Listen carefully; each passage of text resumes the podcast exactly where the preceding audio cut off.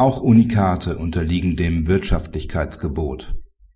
Auch bei einem Oldtimer-Unikat ist bei der fiktiven Abrechnung der Anspruch des Geschädigten auf die Höhe des Wiederbeschaffungswerts beschränkt. Das Fahrzeug des Klägers, ein Pkw Typ Wartburg 353 (Erstzulassung 1966) mit Rahmen und Sonderausrüstung eines Wartburg 353b, wurde beschädigt. Die Beklagte zahlt den Wiederbeschaffungswert von 1.250 Euro. Der Kläger verlangt weiter die Differenz bis zu den Nettoreparaturkosten in Höhe von 2.462,90 Euro. Ein vergleichbares Fahrzeug gibt es auf dem Gebrauchtwagenmarkt nicht, vielmehr müsste dazu ein Wartburg 353 erworben und mit Originalteilen auf einen Wartburg 353b umgebaut werden. Das Amtsgericht gab der Klage statt, das Landgericht wies diese ab. Der BGH bestätigte das Urteil des Landgerichts. Der Kläger habe nur einen Anspruch auf den Wiederbeschaffungswert.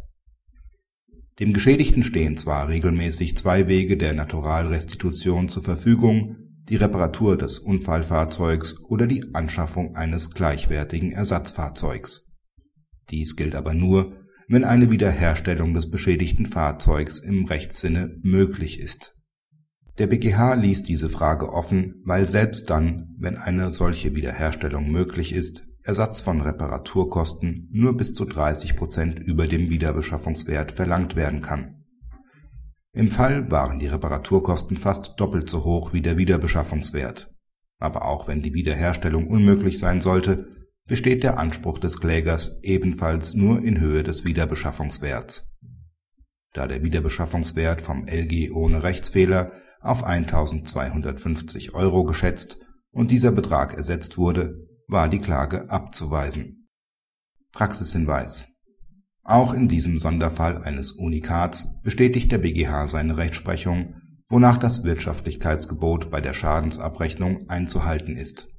Maßstab ist hierbei der Vergleich der Reparaturkosten mit dem Wiederbeschaffungswert. Da hier die Kosten für eine Reparatur fast doppelt so hoch waren, beschränkte sich der erforderliche Betrag zur Schadensbeseitigung auf den Wiederbeschaffungswert Letztlich geht es auch hier um die Frage, ob der Geschädigte noch auf der Basis von Reparaturkosten abrechnen kann oder es sich schon um einen Totalschaden handelt.